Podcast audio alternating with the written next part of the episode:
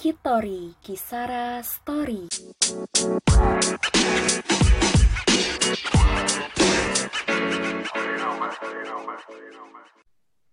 Halo sahabat Kisara, kembali lagi dalam Kitori, Kisara Story. Ya, tentunya bersama saya Cynthia Anggreni.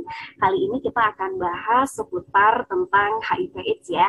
Namun sebelum itu, Cynthia mau tanya dulu nih ke sahabat Kisara di rumah, gimana nih kabarnya hari ini? Semoga semua selalu dalam keadaan sehat ya tentunya. Dan hari ini tentunya berbeda uh, dari episode-episode podcast sebelumnya, karena special episode ya kali ini dalam edisi World AIDS Day 2021 dari Kisara PKBI Bali yang bertajuk Berdaya Bersama untuk Kesetaraan. Tentunya ini juga sebagai upaya kita bersama ya, sebagai upaya preventif terhadap stigma dan juga diskriminasi yang banyak berkembang di masyarakat, baik itu kepada ODA ataupun kepada keluarga ataupun orang-orang di sekitar ODA itu sendiri. Karena apa? Tentunya karena semua setara gitu ya, sahabat Kisara. Jadi maka dari itu, dalam World AIDS Day Kisara tahun ini, dalam edisi podcast kali ini, kita akan bahas seputar serba-serbi HIV AIDS. Nah tentunya sahabat Kisara udah nggak sabar dong tentunya ya apa aja sih yang akan kita bahas dalam edisi podcast kali ini. Tapi ditahan dulu ya sahabat Kisara uh, karena hari ini sudah nggak sendiri tentunya. Hari ini sudah sudah bersama dengan dua narasumber yang sangat luar biasa dan tentunya sangat advance di bidangnya khususnya berkaitan dengan HIV AIDS. Sudah hadir bersama kita ada Dr. Pram dan juga Aryani. Kita sapa dulu ya. Halo dokter dan juga Aryani. Halo. Halo. Halo Iya. Cynthia, halo sahabat Kisara ya gitu ya. Iya, Oke. sapaannya sahabat Kisara ya untuk di Baik. Kitori ini atau di podcast kita. Nah, dokter dan juga Aryani gimana nih kabarnya hari ini? Oke, mungkin yang dari yang mudaan dulu deh, Oh, silakan. dari yang mudaan. Baik. Gimana Terima kasih. Aryani? Terima kasih atas kesempatannya, Pak Dokter, Kakak. Eh, Sengkara kabar saya baik. Eh, saya juga kebetulan di sini di SMA Negeri Bali Mandara sedang ada ulangan. Jadi eh, benar-benar sekarang lagi aktif kegiatannya begitu. Iya, lagi produktif-produktifnya ya. Eh, sebelumnya terima kasih Kak atas undangan podcastnya buat nambah pengalaman. Eh, saya Iya. saya berikan waktunya kepada Pak Dokter. Iya, iya. Itu kabar baik ya kalau lagi ulangan ya. Udah mau libur artinya ya, Oh, udah mau ya? libur. Thank Oke. you. Berarti Yang dilihat adalah sisinya mau liburan sebentar lagi. Oke, baik ya. Terima kasih Cynthia, terima kasih sahabat Kisara, terima kasih Aryani. Jadi kesempatannya kita bisa diskusi bareng ya di case story ini ya. Jadi ya untuk kabar sih seperti biasa ya masih baik, sehat dan Mas Tungkare juga bisa tetap beraktivitas walaupun di masa pandemi. Itu saja sih, silakan. Ya, baik. Terima kasih Aryani dan juga dokter. Tentunya sahabat Kisara di rumah juga nggak kalah luar biasanya ya dan sehat juga tentunya walaupun kita dalam pandemi global COVID-19 ini. Dan namun sebelum kita korek-korek lebih dalam lagi nih terkait dengan serba-serbi HIV AIDS, uh, kita kenalan dulu nih dengan dua narasumber kita yang luar biasa. Jadi izinkan saya untuk memperkenalkan sedikit uh, Dr. Pram dan juga Aryani. Nah, mulai dari Dr. Pram, Uh, beliau bernama lengkap uh, Dr. Igusti Ngurah Prameswara, sarjana kedokteran, magister biomedik dengan konsentrasi uh, reproduksi dan spesialis andrologi. Nah, saat ini Dr. Pram uh, merupakan ketua Departemen Andrologi dan Seksologi di Fakultas Kedokteran Universitas Udayana.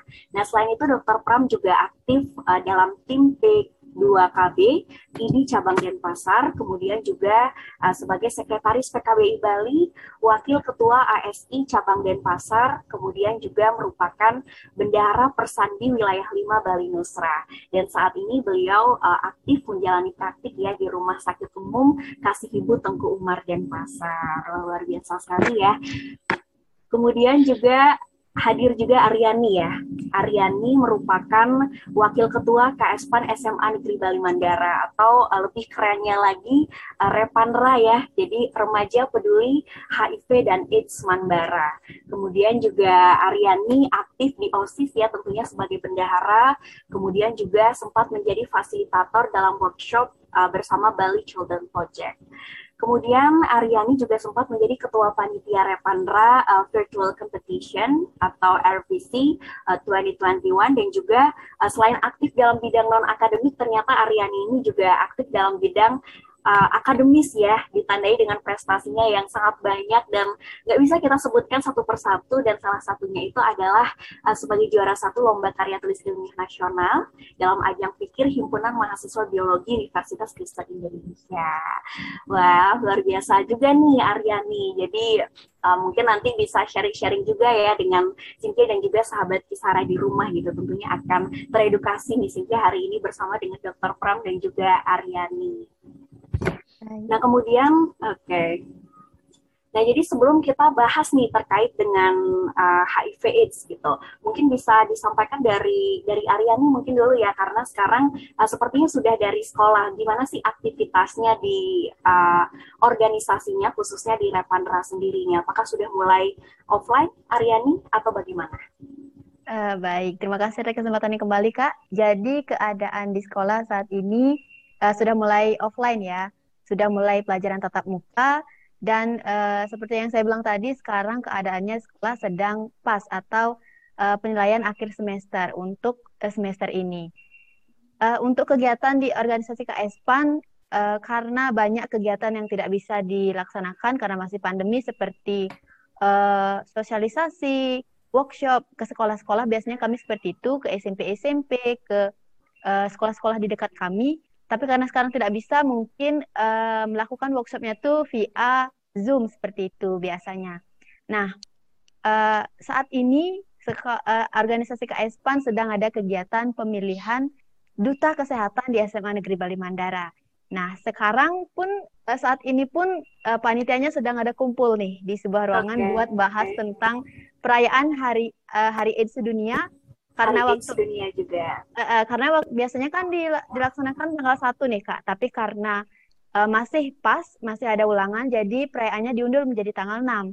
Perayaannya diundur dan juga sekaligus menjadi uh, hari puncak pemilihan duta kesehatan di SMA Negeri Bali Mandara, gitu kak. Ya, tentunya menjadi ajang yang menarik juga ya, Haryani ya, bagi seluruh teman-teman di Seman Barat, khususnya dalam pemilihan duta kesehatan ini. Semangat juga untuk ulangannya, titip salam juga buat teman-teman di Seman Barat ya, Haryani ya.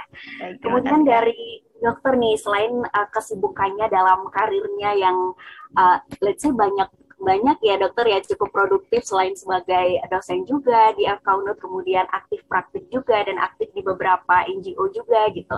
Mungkin ada kesibukan lain nih dokter, kesibukan baru mungkin selama pandemi ini di rumah karena notabene kita uh, ini ya dokter ya dari rumah masing-masing gitu aktivitasnya. Mungkin ada kesibukan baru nih dari dokter selama pandemi ini dokter.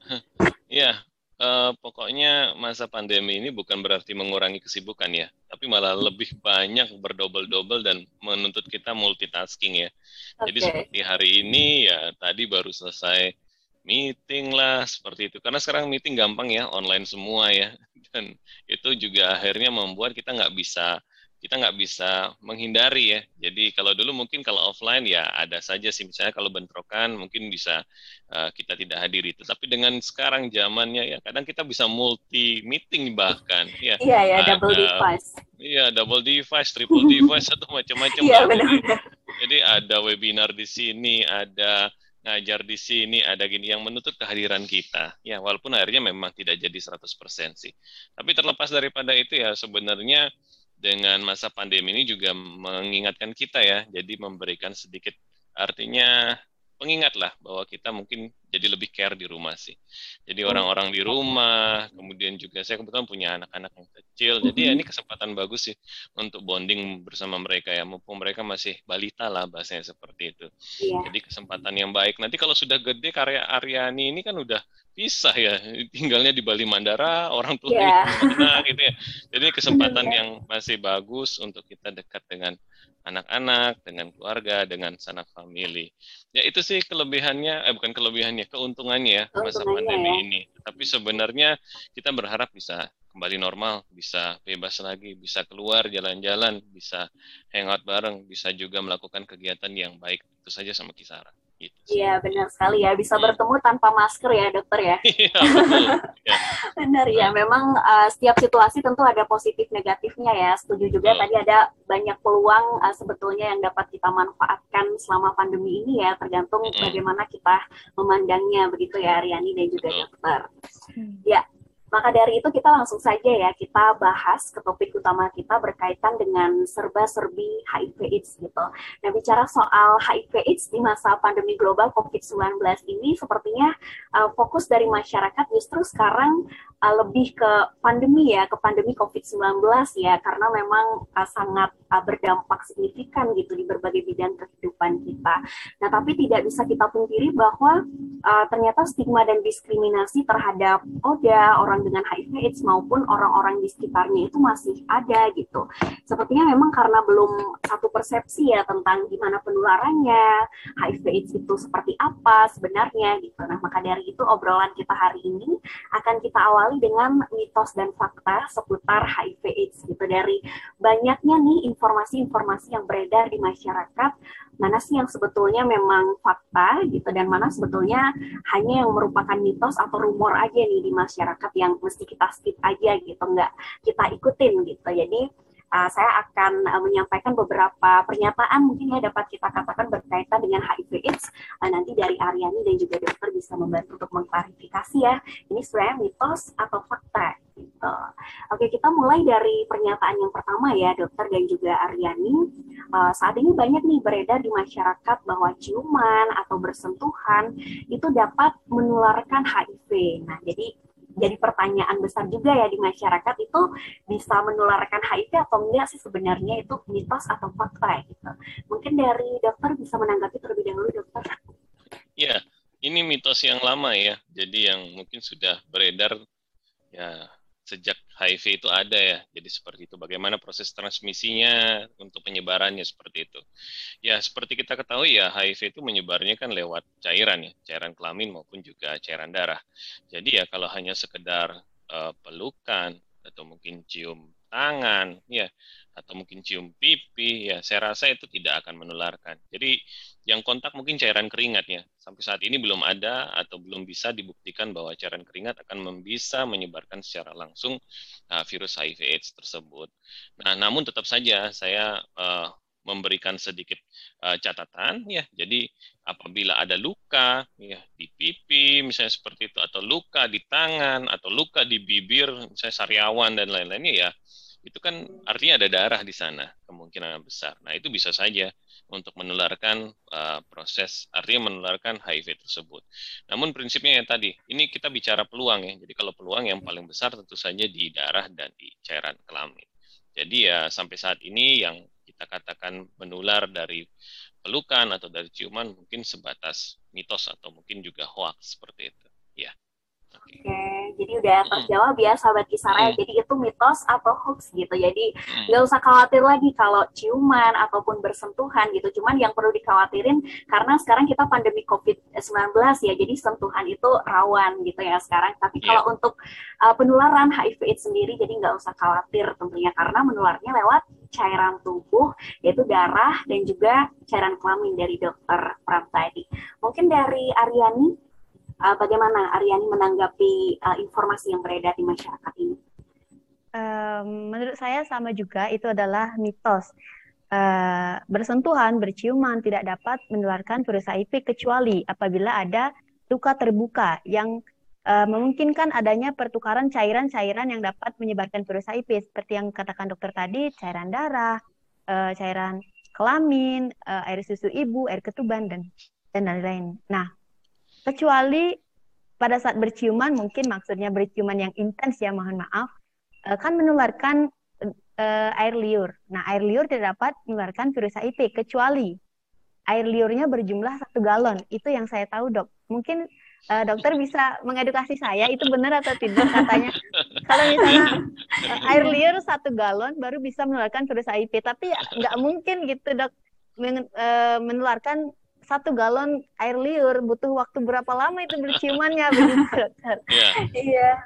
Ya itu, ya, itu, itu juga bagian dari gini ya, bagian dari mitos ya. Jadi eh, nggak uh, mungkin lah kita berciuman atau mungkin kita, aktivitas ciuman itu menghasilkan sampai air liur yang satu galon itu ya. Dalam sehari tidak sesampai seperti itu sih. Air liur itu juga banyak dihasilkan ketika kita makan tentu saja seperti itu. Jadi ketika uh, dorongan untuk makan atau minum itu muncul, otomatis akan muncul uh, air liur atau saliva itu lebih banyak karena tujuannya lebih untuk membantu pencernaan seperti itu. Jadi ya tidak ada sih hubungannya sampai saat ini ya, tapi ya seperti tadi yang kita katakan yang sudah dikatakan Aryani juga hati-hati dengan luka ya, luka terbuka entah itu kecil atau besar ya. Jadi tetap uh, kita harus waspada di sana dan saya setuju ya karena sekarang zamannya pandemi sebenarnya kalau proses ciuman atau proses yang lain-lain itu yang lebih bahaya juga ya penyebaran dari pandemi tersebut jadi hati-hati ya gitu. Ya, jadi itu ya sahabat kisah. Jadi lebih hati-hati kalau ada luka yang terbuka, jangan sampai ada cairan tubuh yang malah uh, dapat berpotensi untuk uh, menularkan HIV/AIDS itu sendiri. Mungkin yang saliva satu galon sebagai jokes juga ya dapat kita katakan untuk dapat mengedukasi. Mungkin yang lebih ditekankan ke volumenya ya dokter ya. Dalam volume air liur yang banyak gitu dapat menularkan uh, HIV AIDS gitu. Jadi sudah terjawab lah ya sahabat Kisara ya. Jadi ciuman atau sentuhan uh, jawabannya tidak dapat menularkan HIV AIDS gitu. Kemudian kita berlanjut ya ke informasi yang kedua, pernyataan yang kedua itu HIV dan AIDS itu adalah dua hal yang berbeda gitu. Itu mitos atau fakta? Itu mungkin dari Aryani deh sekarang bisa menanggapi. Uh, menurut saya itu adalah fakta ya. HIV itu uh, adalah singkatan dari Human Immunodeficiency Virus yang berarti sebuah virus yang menyerang sistem kekebalan tubuh manusia. Nah, sedangkan AIDS itu adalah Acute Immune Deficiency Syndrome yang berarti kumpulan gejala-gejala akibat melemahnya sistem kekebalan tubuh manusia akibat virus HIV tadi. Jadi jelas berbeda. HIV itu adalah virusnya, sementara AIDS itu adalah penyakit akibat virus tersebut. Memang berbeda tapi uh, kaitannya sangat keras. Seperti itu, Kak. Oke, areanya berbeda ya. Jadi satunya virus, satunya kumpulan gejala penyakitnya gitu, tapi berhubungan dari Aryani. Mungkin kalau dari dokter, bagaimana dokter menanggapi terkait hal ini? Iya, uh, saya hanya mau menekankan saja. Jadi yang dikatakan HIV tentu saja virusnya.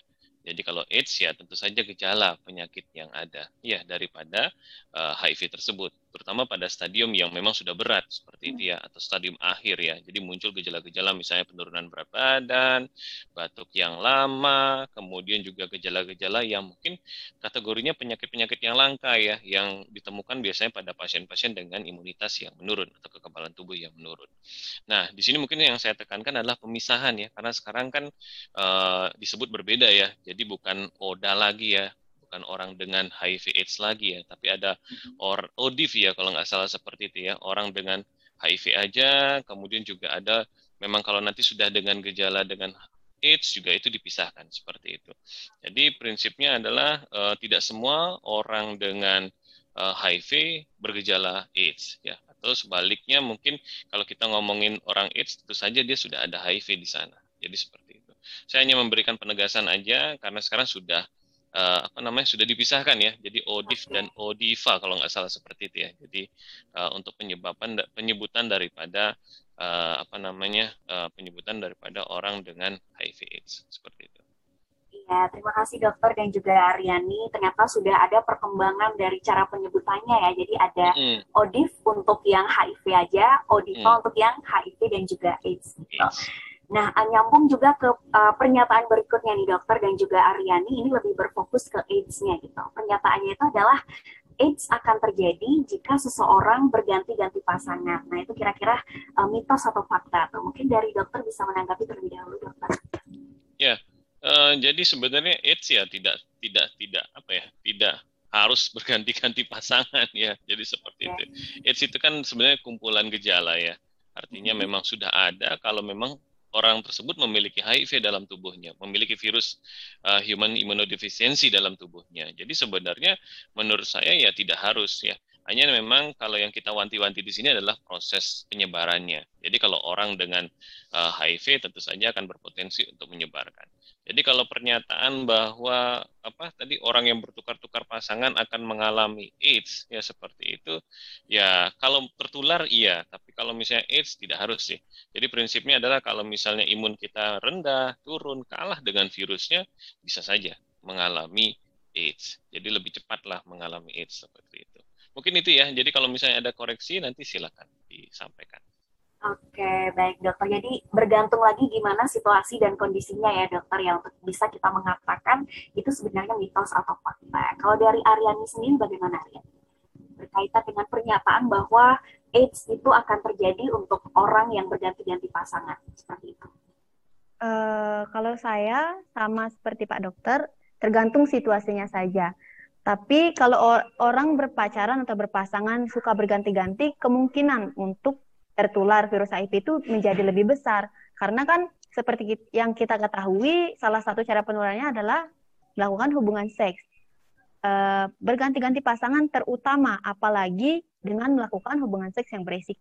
Itu sih kak Oke, jadi yang lebih ditekankan ke tertularnya ya. Jadi yang lebih kita arahkan ke faktanya, uh, fakta bahwa memang berganti-ganti pasangan itu dapat menularkan virus HIV-nya. Tapi untuk menjadi AIDS atau tidaknya bergantung dari uh, sistem kekebalan tubuh seperti apa yang dikatakan dokter tadi ya dokter ya. Jadi itu yang kita sesuaikan kembali dengan situasi dan kondisinya. Oke, tentunya uh, sudah semakin tercerahkan ya kita sahabat Kisara berkaitan dengan informasi-informasi yang masih kita bingungkan gitu yang uh, beredar banyak di masyarakat gitu. Kemudian ternyata masih ada nih banyak uh, ternyata isu-isu yang beredar gitu yang kita masuk ke pernyataan keempat nih dokter dan juga Aryani. Itu ada bahwa uh, nyamuk dapat menjadi media penularan HIV. Nah, itu sebenarnya bagaimana tuh? Mungkin dari dokter bagaimana dokter? Ya, itu itu itu 100 100% ya, 100% mitos atau hoax ya. Jadi nggak hmm. benar itu ya. Jadi sampai saat ini tidak ada transmisi lewat dari hewan ya. Jadi HIV itu bukan penyakit zoonosis namanya, bukan penyakit yang ditransmisikan oleh hewan. Jadi tidak terbukti sampai saat ini dan murni penyebarannya adalah lewat cairan tubuh yang tadi sudah disampaikan. Jadi dari uh, cairan darah maupun cairan kelamin. Air susu ibu sebenarnya juga dari darah ya. Jadi tidak air susunya. Sudah dibuktikan tidak ada dari dari cairan atau yang dihasilkan oleh parenkim namanya. Kelenjar susu itu tidak ada. Namun karena di sana bisa saja terjadi perlukaan ataupun juga mungkin ada ya prinsipnya di sini kan ada kelenjar yang mengeluarkan cairan itu pasti ada darah. Nah, bisa saja bercampur dan kemudian bisa menjadi media penularan pada si bayi. Jadi prinsipnya sampai saat ini ya itu tidak benar yang tadi pernyataan bahwa nyamuk apalagi lalat ya okay. itu bisa apalagi ada HP ya katanya saya saya kirim SMS menularkan HIV itu udah salah banget ya. Jadi iya. seperti yeah. itu. Ya. Oke oke, jadi nggak ada penularan lewat transmisi selain dari cairan tubuh ya atau dari manusia ke manusia gitu. Jadi termasuk juga kalau nanti ada pernyataan ada binatang-binatang lainnya gitu ya atau benda-benda lainnya yang nantinya dikatakan menularkan HIV tentu itu juga menjadi mitos ya sahabat Sarah. Kemudian dari Aryani bagaimana nih Aryani? Mungkin ada tambahan berkaitan dengan pernyataan ini uh, dari pandangan Aryani sendiri uh, um, kalau dari saya saya sangat setuju sekali dengan uh, pernyataan dokter uh, Pram tadi, uh, virus HIV tidak dapat menular melalui gigitan nyamuk. Uh, mungkin kenapa sih nyamuk di kok dicurigai menularkan HIV? Karena kan nyamuk itu uh, menyedot darah dari manusia, habis itu mungkin setelah uh, menyedot darah dari manusia yang mungkin uh, orang dengan HIV, lalu menyedot lagi dengan uh, orang yang tidak tertular HIV, jadi dicurigai dapat menularkan seperti itu. Tapi itu sama sekali tidak benar karena kita kembali ke definisi HIV yaitu Human Immunodeficiency Virus. Nah, kuncinya terletak di kata human yaitu manusia. Virus HIV ini hanya dapat uh, hidup di dalam tubuh manusia. Jadi nyamuk kan bukan manusia. Jadi uh, virus HIV tidak dapat hidup di nyamuk dan nyamuk tidak dapat uh, menularkan virus HIV. Oke, jadi lebih jelas ya. Jadi dari kata human dari HIV itu sendiri, jadi dari manusia ke manusia gitu. Jadi nggak animal immunodeficiency virus gitu bukan ya. Jadi human immunodeficiency virus. Jadi uh, dari manusia ke manusia gitu. Jadi tentunya sudah uh, sangat terjawab ya sahabat Kisara. Kemudian kita berlanjut nih ke pernyataan berikutnya. Uh, itu dikatakan bahwa penderita HIV itu dapat diidentifikasi secara fisik. Uh, misalkan mungkin dari bentuk tubuhnya seperti itu, mungkin ya dari uh, orang yang kurus mungkin uh, dikatakan terkena HIV gitu. Itu banyak yang mungkin saya uh, dengar gitu ya di masyarakat. Nah, apakah itu uh, mitos atau fakta? Mungkin dari ya dari dokter bagaimana dokter? Iya, iya. Ya, ini lagi juga sama ya. Jadi ini mitos juga yang mungkin banyak beredar ya. Apalagi kalau misalnya pasien masih dalam status HIV, ya ODIF itu biasanya malah tidak ada gejala sama sekali ya. Jadi apalagi kalau misalnya dalam periode window ya, periode jendela ya, misalnya seperti itu ya.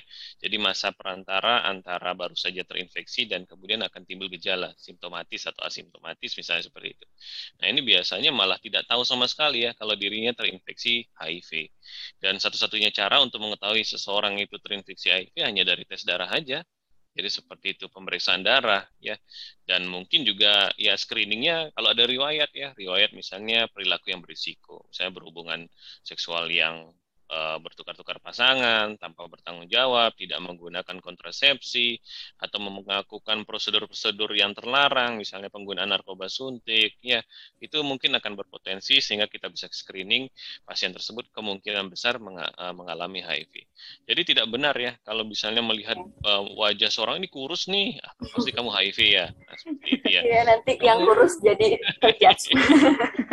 iya, iya, itu nggak bisa ya atau sebaliknya juga misalnya eh, ini kamu gemuk ya kamu jangan kena HIV nah ini juga nggak bisa. Kita nggak bisa pakai jadi uh, untuk uh, badan tidak bisa. Kecuali memang nanti seperti tadi ya saya sampaikan kalau sudah di stadium akhir AIDS bisa saja. Karena kan AIDS ada gejalanya ya seperti penurunan berat badan yang sangat ekstrim batuk-batuk lemes keringat dingin. Nah itu pasti akan menimbulkan uh, apa namanya tampilan seseorang yang mungkin tidak sehat okay. ya kurang lebih seperti itu sih Cynthia ya yeah. Iya, jadi mitos ya sahabat Kisara ya. Jadi eh, nggak uh, usah khawatir ya kalau terkena stigma gitu kalau kita kurus uh, diduga terinfeksi HIV karena itu adalah mitos tentunya dan ternyata dari dokter tadi ada pemeriksaan khusus yang melalui screening atau tes darah gitu. Jadi tentunya uh, pemeriksaannya harus dilakukan oleh orang-orang yang sudah ahli tentunya di bidangnya ya. Salah satunya adalah tenaga kesehatan. Kalau dari Aryani bagaimana Aryani uh, terkait um, dengan pernyataan tersebut? Uh, saya sangat setuju. Jadi uh, orang dengan HIV/AIDS itu uh, dengan uh, orang dengan HIV ya terutama tidak dapat dilihat dari gejala fisiknya, apalagi uh, orang tersebut sudah mengikuti uh, anjuran dan juga uh, AR, ART atau antiretroterapi. Nah, pada saat kita antiretroterapi, kita akan mendapatkan obat yang namanya antiretroviral. Jadi kalau misalnya orang dengan HIV rajin mengkonsumsi uh, eh, ARV tersebut dia tidak akan pernah sampai di fase AIDS. Dia bisa melakukan uh, aktivitas seperti manusia normal pada umumnya. Jadi benar-benar tidak terlihat kalau dia itu benar-benar uh, ternyata dia HIV seperti itu kak. Mungkin kalau seperti yang dokter bilang tadi, oh kamu kurus ya, kamu uh, eh, HIV ya itu malah kayak jadi body shaming gitu nggak sih kak? Iya benar-benar. jadi muncul masalah baru ya Riani ya. Hmm, iya. iya. Tadi juga sudah disampaikan secara lebih detail ya sahabat Kisara ya bahwa memang itu adalah mitos dan memang uh, eh, HIV/AIDS itu muncul sebagai suatu uh, penyakit yang memang tanpa gejala ya. Jadi nggak bisa kita identifikasi secara fisik tentunya. Nah menyambung tadi Ariani sempat menyinggung berkaitan dengan antiretroterapi dan juga antiretroviral gitu. Ini sepertinya relate juga dengan pernyataan terakhir ya yang akan kita bahas di uh, mitos atau fakta ini bahwa banyak beredar di masyarakat informasi bahwa HIV itu tidak dapat disembuhkan gitu. Jadi meruntuhkan harapan ini ya penderitanya ya kalau seperti itu. Mungkin bisa disampaikan mulai dari Aryani mungkin bisa mengawali ya apakah itu uh, mitos atau fakta gitu. Apakah HIV itu uh, tidak memang benar atau mitos tidak dapat disembuhkan? Um, sebenarnya ini saya masih belum dapat um, kejelasan seperti itu. Mungkin saya nanti minta izin dari dokter, tapi kalau menurut saya itu memang benar itu fakta. Ini adalah fakta yang menyedihkan ya kak ya, dokter ya. Kalau virus HIV itu uh, tidak dapat disembuhkan secara sepenuhnya. Mungkin bahasa yang tepat digunakan adalah pulih, karena pulih itu uh, kembali ke, ke keadaan tubuh sebelum dia uh, terinfeksi uh, keadaan tubuhnya yang kembali. Berarti virus HIV itu masih ada di dalam tubuh manusia, uh, tapi tidak pernah benar-benar uh, diobati atau tidak pernah benar-benar hilang gitu maksudnya. Mohon maaf. Uh, memang ada yang namanya antiretroviral, yaitu obat untuk menekan jumlah HIV yang ada tubuh. Jadi tubuh uh, virus HIV itu masih ada virusnya, tapi virusnya itu tidak dapat menyebar. Nah, jadi CD4 atau uh, sistem imun itu masih dapat uh, tinggi dan juga dapat um, uh, menghalau ataupun melawan infeksi dan seperti itu menurut saya. Kalau dari dokter bagaimana mungkin? Tolong ya, kejelasannya mungkin bisa begitu. dijelaskan kembali dari sudut pandang kesehatan mungkin ya dokter ya. Iya, uh, boleh diulang pernyataannya Cynthia? Ya, pernyataan terakhir itu adalah HIV tidak dapat disembuhkan, mitos atau fakta? Iya, ya ini pernyataannya uh, kalau dikatakan uh, pengertian tidak disembuhkan ya, ya saya setuju mm -hmm. dengan uh, pernyataan dari Aryani ya. Jadi ya ini sama seperti kencing manis ya. Jadi kencing manis juga sebenarnya tidak bisa disembuhkan. Tapi kalau pernyataan tadi tidak diobati ya, tidak bisa diobati itu salah. Ya. Jadi sebenarnya HIV ada obatnya. Ya. Jadi itu yang bisa membesarkan kita ya bagi mungkin ODIF ataupun ODIVA ataupun juga orang-orang yang berpotensi. Tentu kalau masih punya uh, apa namanya masih punya uh, risiko ya itu bisa dikurangi dengan cara seperti itu. Ya. Jadi prinsipnya adalah Uh, kalau untuk HIV, HIV itu sudah bisa diobati, tetapi kalau untuk sembuh total sampai saat ini belum belum masih dalam ya. perkembangan dan mari kita doakan ya perkembangan ilmu kedokteran kesehatan akan semakin maju dan bisa menemukan cara yang ampuh untuk mengobati uh, daripada HIV tersebut ya oke okay. ya Ya, jadi terkait pernyataan tersebut HIV tidak dapat disembuhkan tentu itu memang benar ya fakta, tetapi kalau HIV tidak dapat diobati itu mitos. Karena seperti yang dikatakan tadi ada kita dapat uh, melakukan anti uh, antiretroterapi uh, dengan antiretroviral sebagai obatnya gitu. Wah, nggak kerasa ya udah ada enam pernyataan yang udah kita bahas ya tentu uh, kita semua sudah makin uh, tercerahkan gitu sebenarnya itu informasi yang benar atau informasi yang justru itu rumor aja di masyarakat gitu. Sekarang juga sudah semakin tahu dan diharapkan nanti sahabat kisah yang udah tahu bisa membagikan ya informasinya kepada teman-teman sekitarnya juga ya sebagai remaja yang bergaya tentunya. Nah kalau kita udah tahu nih informasi-informasi itu tentunya kita semua nggak mau dong ya sampai terkena atau terinfeksi virus HIV itu sendiri. Nah maka dari itu uh, mari kita gali lebih dalam lagi gimana sih sebenarnya uh, HIV itu ditularkan gitu. Dari beberapa informasi tadi mungkin kita uh, sempat bahas beberapa aja ya, mungkin dari cairan tubuh, tadi dari darah, kemudian dari uh, cairan kelamin gitu. Dan uh, sekarang kita cari tahu lebih dalam lagi terkait pencegahannya. Bagaimana kita dapat mencegah uh, penularan-penularan itu. Mungkin dari dokter Pram bisa menanggapi dokter terkait dengan upaya pencegahan dari uh, penularan yang sudah kita bahas tadi terkait dengan HIV ini. Ya, jadi uh, kalau untuk ngomongin pencegahan, ngomongin uh, tentang AIDS ya atau HIV, bagaimana konsep penanggulangannya, tentu yang uh, yang paling utama itu sebenarnya sudah sudah sering ya kawan-kawan Kisara, sahabat Kisara bicarakan ya. Jadi saya sebenarnya sangat senang ya uh, dengan konsep ABCD itu ya. Jadi tetap itu bisa dipraktekkan dengan baik ya. Kalau misalnya kita sudah ketahui ya bahwa HIV AIDS itu kan menularnya lewat cairan tubuh, terutama kalau kita lihat data sekarang paling besar itu adalah akibat dari hubungan seksual.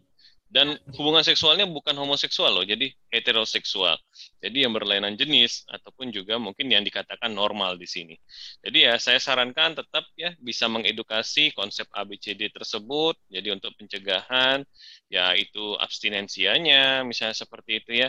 Jadi tidak berhubungan dulu ya hubungan seksual artinya tidak dulu ya tetap. Kalau misalnya kayak Aryani ya masih sekolah brahmacari ya tugasnya belajar ya bukan bukan masuk ke fase selanjutnya. Kemudian ada be faithful ya be faithful mungkin yang setia pada pasangannya. Kalau memang sudah sudah masuk ke dalam ya bisa kita lakukan hal tersebut ya.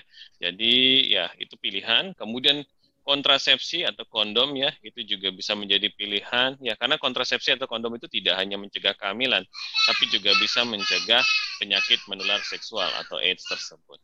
Kemudian D itu artinya don't inject ya atau drugs tidak menggunakan obat-obatan karena itu juga pintu masuk ya kalau kita misalnya berbicara tentang AIDS dan yang terakhir E ya mungkin yang paling penting adalah edukasi. Jadi bisa mendengarkan informasi yang benar tentang HIV AIDS tersebut. Jadi kurang lebih seperti itu sih mungkin Cynthia yang bisa ya. saya sampaikan.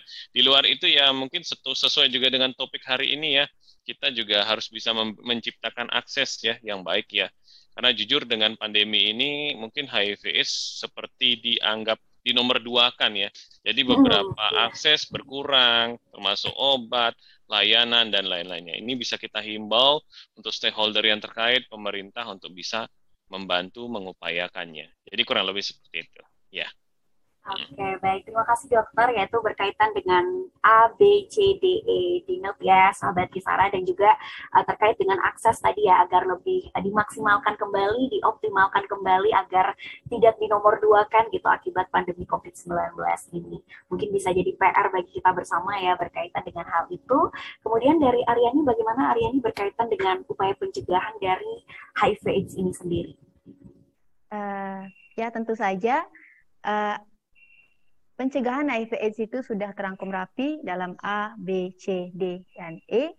Uh, seperti kata dokter tadi, A, abstinens atau puasa seks, tidak melakukan seks yang beresiko, terutama bagi remaja yang belum menikah. Baby faithful, saling setia. Nah, di sini uh, penekanan saya adalah saling setia.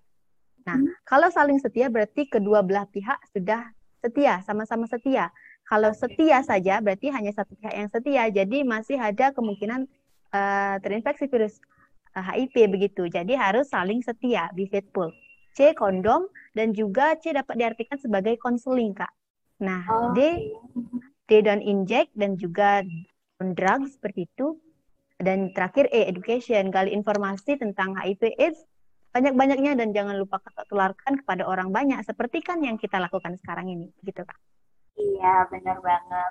Ya setuju juga ya sama Aryani. Mungkin tadi sudah ditekankan juga bahwa yang be faithful nggak hanya setia ya, nggak hanya satu setia dalam menjalin hubungan ataupun hubungan pacaran ya sering kita sebut, uh, tetapi sama-sama setia gitu agar uh, keduanya saling terlindungi. Dan C selain uh, kontrasepsi ada juga konseling gitu. Mungkin ya, ada nih uh, Aryani sahabat Kisara yang belum tahu konseling itu apa sih sebenarnya gitu. Mungkin dari Aryani bisa menyampaikan terkait dengan konseling atau mungkin uh, sahabat Kisara bisa mengakses juga nih, bisa ikutan konseling juga nih. Mungkin uh, gimana tuh caranya Aryani? Nah, uh, mungkin konseling itu kan uh, kita tuh um, seperti curhat dengan ahlinya gitu kak. Uh, tentang kita tuh berbicara bagaimana apa yang harus saya lakukan, terutama yang sudah HIV AIDS itu HIV ya. Uh, kalau hmm. sudah ada di HIV itu biar uh, orang dengan HIV itu tidak down. Jadi dia ada orang yang diajaknya dia berbicara, diajaknya dia curhat, uh, menumpahkan. Pastikan saya yakin saat pertama kali mengetahui seseorang terinfeksi virus HIV itu pasti akan sangat benar-benar syok, dia akan patah semangat, dia akan down. Jadi dia butuh seseorang untuk uh, sebagai uh, tempat dia untuk bercerita, menumpahkan semuanya supaya dia tidak menjadi stres begitu kak. Nah, uh, dia bisa konsultasi atau konseling dengan ahlinya uh, seperti ahlinya di sini mungkin uh, dokter dokter Pram seperti itu uh, supaya dikasih tahu apa hal yang dia harus lakukan apa uh, selanjutnya bagaimana? Uh, ya seperti itulah intinya. Begitu kak. Oke, jadi mungkin kalau kita ada masalah dengan menceritakan atau menyampaikan akan jadi lebih lega ya, Riani ya. Mungkin sederhananya uh, bisa kita katakan seperti itu konsep konseling. Dan sahabat Kisara di Kisara juga ada ya program konseling Sulit tentu nanti bisa dihubungi media sosial kita ya di Instagram di app Kisara underscore Bali untuk uh, cari tahu info lebih lanjut terkait dengan konseling. Oke, jadi sudah terangkum rapi seperti apa yang disampaikan oleh Aryani tadi ada abstinence, be fightful, kemudian juga ada kondom atau contraception, kemudian juga ada don't inject dan juga education seperti apa yang kita lakukan saat ini sebagai upaya uh, pencegahan terhadap penularan HIV/AIDS. Nah, tadi kita masih bicara soal pencegahan pencegahan nih, uh, tetapi dalam ruang lingkup yang lebih luas khususnya terkait dengan hubungan dengan orang-orang di lingkungan sosial gitu. Kita bahas kembali berkaitan dengan stigma dan diskriminasi tadi ya. Nah, jadi uh, gimana sih kita bisa mencegah stigma dan diskriminasi uh, masyarakat terhadap ODIF atau ODIVA tadi agar tidak dikucilkan dalam pergaulan ataupun uh, tidak uh, disisihkan gitu ya, tetapi masih uh, dirangkul bersama-sama uh, sebagai setara sesuai dengan tema uh, World AIDS Day tahun ini yaitu bersama berdaya untuk kesetaraan. Mungkin dari dokter bisa menanggapi dokter berkaitan dengan hal tersebut. Ya, jadi tadi sudah banyak ngomongin tentang pencegahan ya. Kemudian juga ada tentang konseling dan mungkin kita ya sesuai dengan tema hari ini ya tema Hari AIDS sedunia saya juga lihat tadi di ternyata itu internasional ya, tidak hanya nasional saja ataupun tidak kisara saja yang mengangkat tentang uh, kesetaraan atau mungkin juga akses untuk semua. Ya memang ini menjadi PR bersama ya. Jadi kalau untuk kita semua mungkin Kisara bisa memberikan akses edukasi di sini ya. Kemudian juga uh, sebenarnya PKBI ya uh, induk daripada Kisara juga bisa memberikan akses untuk pengobatan ataupun juga pencegahan ya dengan pembagian mungkin uh, tadi ya sarana-sarana kontrasepsi maupun yang lain-lainnya. Jadi prinsipnya di sini sebenarnya kalau dari saya ya sebenarnya himbauan sih kepada seluruh stakeholder ataupun yang terkait agar bisa tetap melakukan pelayanan kesehatan yang baik, kemudian konseling yang baik, kemudian juga pemberian sarana prasarana, kemudian obat juga, akses untuk obat, akses untuk pemeriksaan yang baik untuk uh, semua orang ya yang mungkin berisiko maupun juga orang yang memang uh, apa namanya uh, terinfeksi daripada HIV/AIDS. Seperti itu sih mungkin kurang lebih. Iya, ya, baik dokter. Iya, jadi seperti itu ya upaya pencegahan terhadap stigma dan juga diskriminasi terhadap ODIF atau ODIFA tadi ya, sahabat Kisara. Jadi dengan pelayanan, dengan edukasi, dan tentunya dengan pemerataan dalam hal uh, pengobatan juga atau uh, penyediaan fasilitas layanan kesehatan. Kemudian mungkin kalau dari Aryani lebih ke dalam ruang lingkup sekolah ya, mungkin di sekolahnya masih ada teman-teman yang uh, kadang uh, menjudgment seperti tadi ya, kadang lebih dikaitkan ke hal-hal yang fisik, ada temannya yang kurus uh, di di judge ini terinfeksi HIV gitu sepertinya, atau ada hal-hal lain mungkin. Mungkin dari Aryani sebagai uh, orang yang aktif gitu di lingkungan sekolahnya gimana tuh? Kira-kira uh, upaya pencegahan stigma dan diskriminasi ini khususnya di lingkungan sekolah Aryani? Uh, kalau dari saya sendiri, solusinya adalah edukasi sih Kak, dokter. Jadi, uh, menurut saya pengetahuan orang terhadap HIV/AIDS ini akan mempengaruhi sikap dan perilakunya.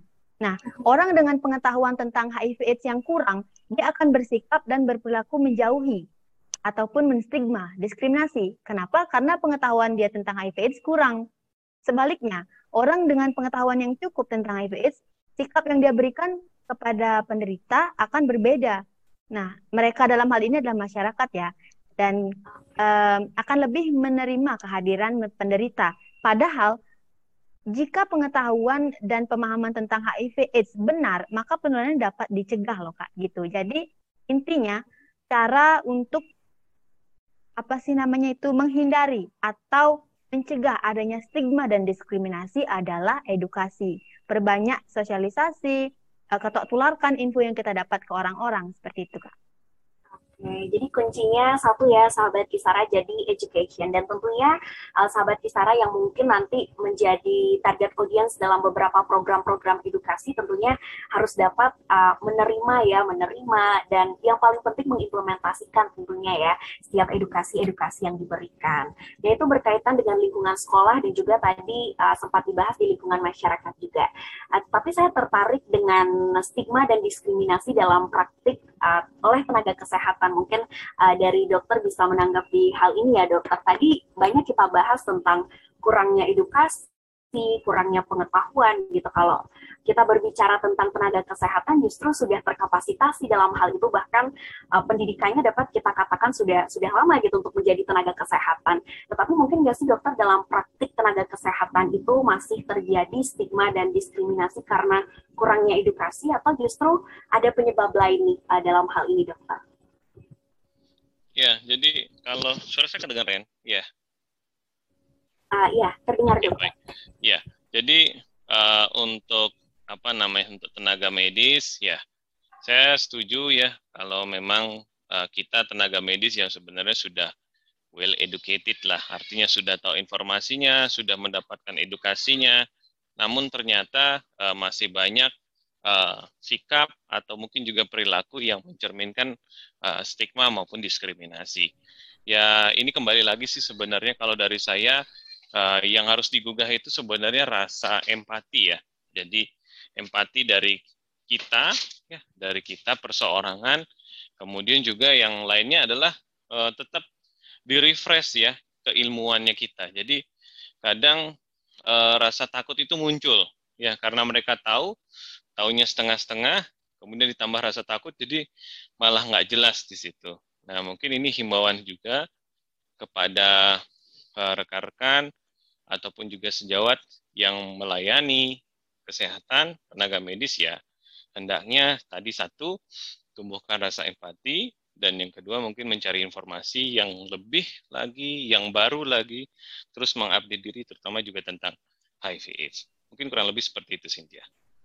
Ya, baik. Terima kasih dokter. Ya, jadi tentu menjadi catatan buat kita bersama ya, baik itu tenaga kesehatan ataupun calon-calon tenaga kesehatan agar dapat lebih menumbuhkan rasa empatinya ya. Jadi bukan hanya uh, teredukasi, terpenuhi dengan informasi-informasi seputar HIV AIDS, tetapi bagaimana kita peduli ya, saling memahami gitu antara bagaimana uh, kondisi pasien yang kita layani tentunya. Oke, itu dia tadi upaya pencegahan stigma dan diskriminasi terhadap koda. Tentunya sahabat Kisara uh, sudah mengetahui dan nantinya sudah siap untuk mempraktikkan ya dalam kehidupan sehari-hari tentunya. Dan ternyata nggak kerasa ya kita kurang lebih uh, sudah sekitar 45 menit nih ngobrol berkaitan dengan serba-serbi HIV AIDS jadi nggak kerasa ya. Jadi mungkin uh, dalam waktu 45 menit ini nggak uh, sangat kompleks gitu hal yang dapat kita bahas berkaitan dengan HIV AIDS tetapi setidaknya uh, dapat bermanfaat untuk kita semua dan dapat mengedukasi sahabat uh, Kisara di rumah tentunya. Nah, namun sebelum itu uh, Cynthia mau minta Aryani dan juga uh, Dr. Pram uh, untuk menyampaikan pesannya nih untuk seluruh sahabat Kisara yang nantinya akan mendengarkan podcast kita ini apa sih pesannya untuk uh, remaja-remaja uh, khususnya ya karena target audiensnya lebih ke remaja nih berkaitan dengan uh, tema yang tadi sudah dikatakan yang bukan hanya kisara ya cuman uh, ini adalah tema internasional yang diikuti oleh ruang lingkup yang lebih kecil ya dari internasional ke nasional hingga kita dalam ruang lingkup daerah bisa kita katakan uh, juga mengangkat tema berkaitan dengan kesetaraan ya yaitu bersama berdaya untuk kesetaraan. Mungkin uh, dari Aryani ya. Aryani terlebih dahulu untuk menyampaikan pesannya dipersilakan. Hmm, kalau dari saya sendiri mungkin singkat saja yaitu uh, rangkul mereka karena mereka bagian dari kita. Nah, saya mengajak seluruh elemen masyarakat untuk saling merangkul. Bagaimanapun keadaannya, mau dia HIV, mau dia penyakit apa, karena kita semua sama di mata pemerintahan, kita semua sama di mata Tuhan. Jadi kita saling rangkul karena mereka bagian dari kita. Wah, menarik ya. Kita rangkul mereka karena mereka bagian dari kita. Jadi kita semua adalah bagian dari masyarakat gitu ya. Jadi uh, karena kita setara baik di, uh, di mata hukum, di mata Tuhan, di mata pemerintahan gitu. Jadi uh, ya sangat relate dengan topik kita bersama berdaya untuk kesetaraan. Kemudian dari Dokter Pram, mungkin bisa disampaikan dokter uh, pesannya. Ya, jadi uh, kalau untuk pesan-pesan ya untuk Hari AIDS sedunia yang kita uh, apa hari peringati ya tahun ini ya. Jadi dengan tema berdaya bersama ya atau bersama berdaya gitu ya untuk kesetaraan. Jadi prinsipnya ya uh, selain memberdayakan mereka, kemudian juga mengajak mereka ya sama seperti dengan Aryani tadi ya. Yang satu hal mungkin yang kita harus uh, bangkitkan lagi di masa ini, artinya di masa pandemi ini ya semangat ya, semangat untuk sama-sama bisa kembali lagi peduli, kemudian juga bisa kembali lagi melayani, bisa juga kembali lagi mengedukasi ya HIV AIDS ini. Karena jujur selama dua tahun ini kesannya sudah tenggelam sekali ya jadi isu HIV AIDS ini seperti mungkin bukan nomor dua lagi, nomor tiga atau nomor empat, nomor lima dari segi kesehatan. Ya, jadi kita agak seperti menyingkirkan lah. Padahal sebenarnya isu HIV AIDS ini tetap berjalan, kemudian penularannya tetap ada, bahkan ya kemudian praktek-praktek yang berisiko juga tetap ada ya walaupun sudah ada protokol kesehatan dan lain-lainnya. Jadi tetap uh, saya menghimbau di sini mungkin sahabat Kisara ya tetap semangat menjalankan tadi ya Eh, konsep-konsep untuk penanggulangan, pencegahan, kemudian untuk sejawat medis, tenaga medis yang praktek juga tetap semangat ya, walaupun tetap berisiko dengan adanya pandemi ini, tetap juga tetap memberikan pelayanan yang pas, yang optimal untuk HIV AIDS. Dan terakhir juga mungkin untuk rekan-rekan semua terutama di Kisara ya rekan-rekan remaja bisa tetap ya mengedukasi, menggetok tularkan informasi tentang HIV AIDS ini. Tidak hanya pada saat Hari AIDS sedunia aja tapi setiap saat, setiap turun ke lapangan, setiap ada momen yang bagus kita bisa mengedukasi tentang AIDS ini. Jadi ya kurang lebih seperti itu sih yang mungkin bisa saya sampaikan ya terlep, uh, selain memang ya satu hal ya itu tadi rasa empati itu juga harus ditumbuhkan. empati itu kan sebenarnya hampir sama dengan ya kalau kita di di apa namanya di Hindu mungkin konsep ini ya konsep apa namanya aku adalah kamu kamu adalah aku ya jadi kurang lebih seperti itu atau masih lah seperti itu ya oke saya kembalikan silakan Cynthia Ya baik, Wah, luar biasa sekali ya dari Dr. Pram sudah sangat kompleks sepertinya ya mulai dari ruang lingkup individu terkait dengan taplom ASI yang menarik tadi, kemudian juga terkait dengan empati yang lupa ya sahabat Kisara dan ke ruang lingkup yang lebih luas lagi ke stakeholder-stakeholder khususnya uh, pemerintah bahwa uh, edukasi ataupun terkait dengan pelayanan kesehatan terkait dengan HIV/AIDS ini agar uh, tidak menjadi nomor kesekian ya walaupun kita berada dalam pandemi global COVID-19 ini. Karena uh, tentunya memiliki urgensi yang sama juga ya sama-sama penting. Dan termasuk juga kepada Kisara PKBI Bali yang notabene sebagai NGO yang memang aktif terhadap isu-isu ini ya agar dapat uh, mengedukasi uh, remaja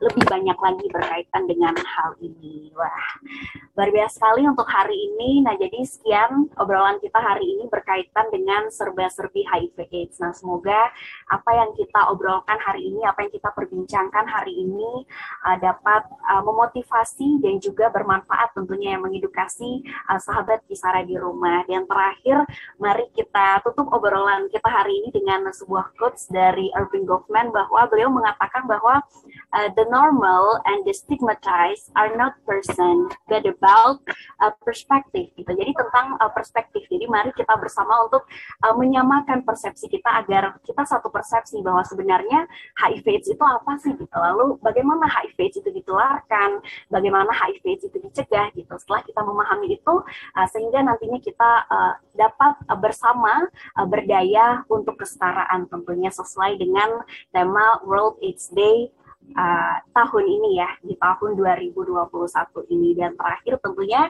Viva Youth, Viva Kisara. Nah, jadi sahabat Kisara, itu dia tadi obrolan kita tadi terkait dengan serba-serbi HIV AIDS dalam uh, edisi yang spesial, tentunya spesial World AIDS Day uh, 2021 dan tentunya uh, semoga obrolan ini dapat memberikan uh, insight yang baru untuk kita semua dan sampai jumpa di kitori edisi berikutnya. Bye bye.